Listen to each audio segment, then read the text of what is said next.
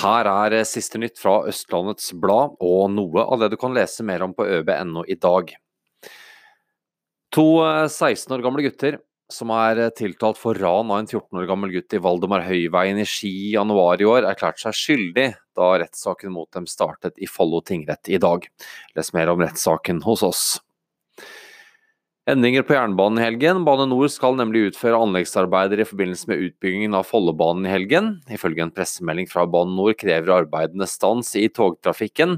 I tillegg kan det medføre noe støy, og arbeidene de starter klokken 02.00 lørdag 25. mai og avsluttes klokken 14.00 søndag 26. mai. Apropos tog og sånt, Bane Nor fikk ingen varm velkomst i hovedutvalg for eh, teknikk og miljø i Ås som skjøt ned flere av deres forslag til togparkering. Les mer om den omstridte togparkeringen og saken hos oss.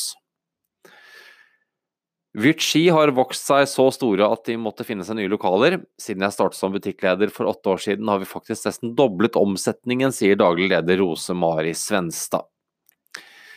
Gabriel Røer har eh, fått utrolig god hjelp av Ski ungdomsskole til å takle dysleksien sin. Da han hadde eksamen denne uken her, så møtte han opp i dress for å hedre skolen, og han har delt historien sin med oss. Det setter vi veldig pris på. Les den på øb.no. ØB har sett på utleiemarkedet for ski, og så Oppegård. Prisene varierer kraftig. Vi har snakket med den erfarne utleieren Lars Christian Nygaard, som gir oss noen gode råd på veien hvis vi skal leie ut. Han eh, vet ikke om noen andre som har prøvd det samme. Og det gjør ikke ME-foreningen i Norge heller, mens Kjetil Korseron ofrer alt for å bli frisk. Lørdag denne uken reiser 55-åringen fra Ski til en klinikk i Moskva for å få stamcellebehandling mot ME. Dette kan være mitt siste håp, sier han eh, i eh, intervjuet med ØB. En utrolig sterk historie som jeg anbefaler deg å lese.